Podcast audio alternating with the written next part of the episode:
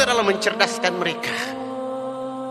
Agar mereka bisa setara dengan saudaranya di kawasan tengah dan barat Indonesia. Sehingga saya terus bekerja.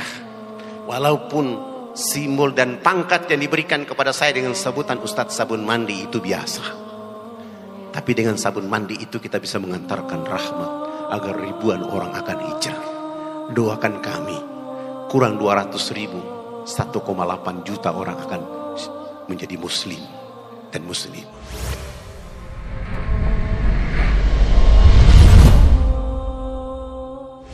Kami dari kota ke kampung itu kurang lebih 179 km.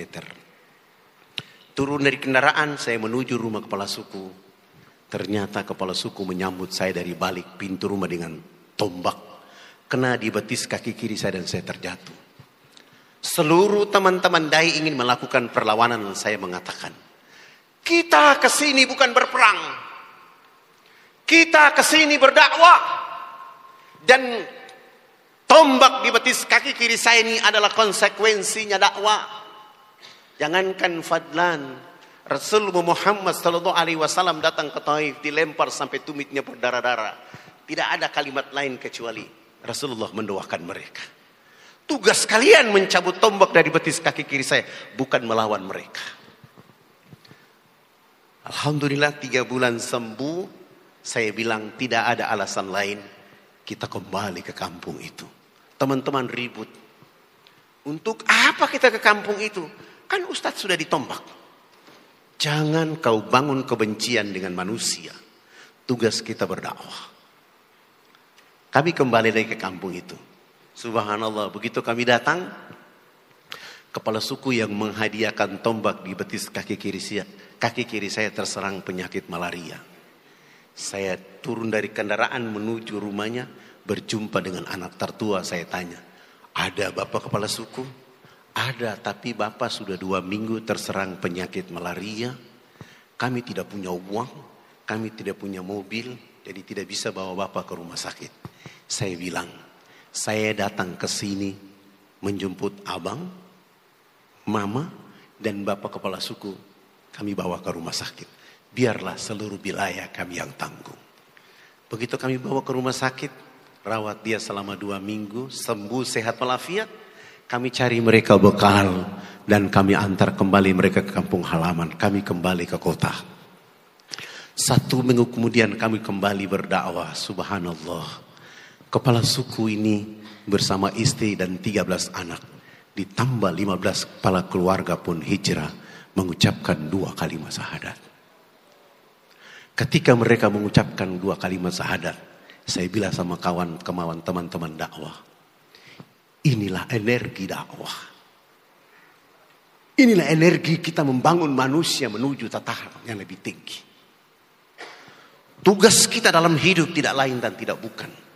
Mengantar manusia untuk mendapatkan anitum harisum alaikum. Alhamdulillah Bapak Ibu dari perjalanan dakwah walaupun fasilitas terbatas tetapi hati yang kuat. Hari ini Allah telah memberi petunjuk dan rahmat dari dakwah itu. Kita sudah bisa bikin 951 masjid. Kita sudah bisa menyelamatkan orang-orang menuju Allah yang hari ini mereka berdiri dari timur Indonesia untuk mengatakan NKRI harga mati. Tujuan kita adalah mencerdaskan mereka. Agar mereka bisa setara dengan saudaranya di kawasan tengah dan barat Indonesia. Sehingga saya terus bekerja. Walaupun simbol dan pangkat yang diberikan kepada saya dengan sebutan Ustadz Sabun Mandi itu biasa. Tapi dengan sabun mandi itu kita bisa mengantarkan rahmat. Agar ribuan orang akan hijrah. Doakan kami. Kurang 200 ribu. 1,8 juta orang akan menjadi muslim dan muslimah. Karena kami melakukan itu.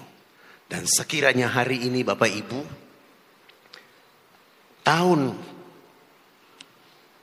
93 setelah saya pulang dari Amerika, ada perempuan Katolik namanya Naomi, usia 59 tahun. Dia bilang sama saya, rambut saya sudah keriting Saya lihat huruf-huruf dalam Quran ini keriting seperti rambut saya. Saya bertekad masuk Islam dengan catatan saya harus bisa baca kitab suci ini dengan sempurna. Kalau tidak saya kembali murtad. Alhamdulillah usia 59 tahun sahadat usia 61 tahun kami 60 tahun kami membimbing dia membaca Quran dari Iqra sampai lancar di usia 60 tahun. Subhanallah. Usia 61 tahun dia hatam Quran sebanyak 177 kali. Di usia 62 tahun dia tingkatkan kualitas hafalannya menjadi 217 kali hatam. Di usia 63 tahun dia hatam Quran sebanyak 277 kali. Ketika di 277 kali dia baca minal jinnati wan nas, Allah menjemputnya dengan husnul khatimah. Spektakuler. Bapak Ibu yang dirahmati oleh Allah. Mengantar hijrah harus kekuatan yang kuat. Membawa orang ke arah perubahan, arah kebaikan. Karena hidup itu singkat seperti mulai dari Hajar Aswad berhenti di Hajar Aswad. Mulai dari Allah akan kembali kepada Allah.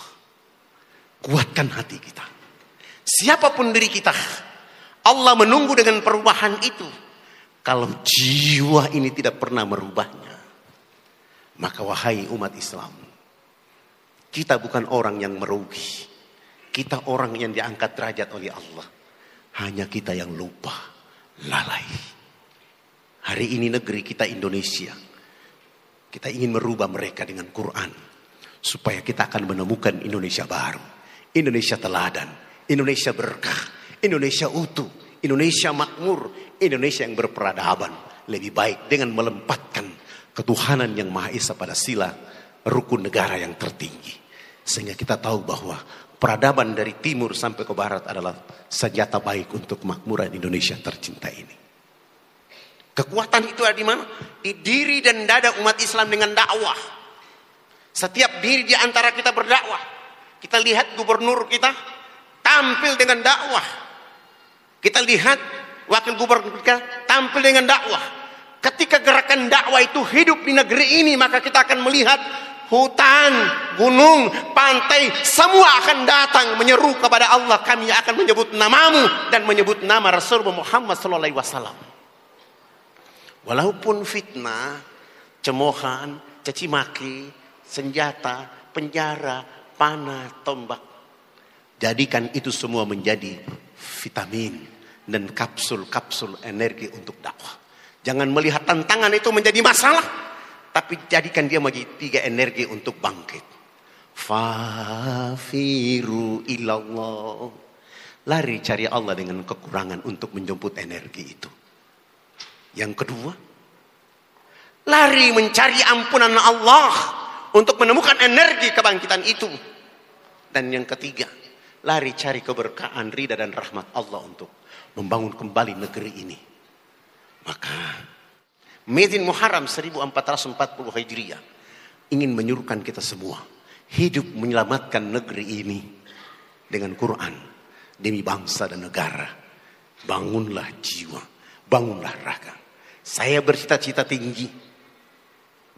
Tanggal 17 Agustus 2045. Hari ini di mata kita terjadi pembakaran di sana. Tapi itu menjadi narasi kebangkitan baru untuk dakwah sehingga 17 Agustus 2045 terjadi Indonesia baru, Indonesia emas dimulai dari timur Indonesia. Kami akan kibarkan itu untuk Indonesia oleh karena hitam, keriting tapi mengawali kehidupan bangsa dengan Allahu Akbar Allahu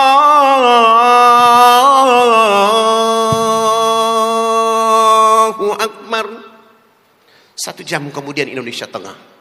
Dua jam kemudian Indonesia Barat. Keriting hitam. Hari ini menjadi buah bibir masyarakat.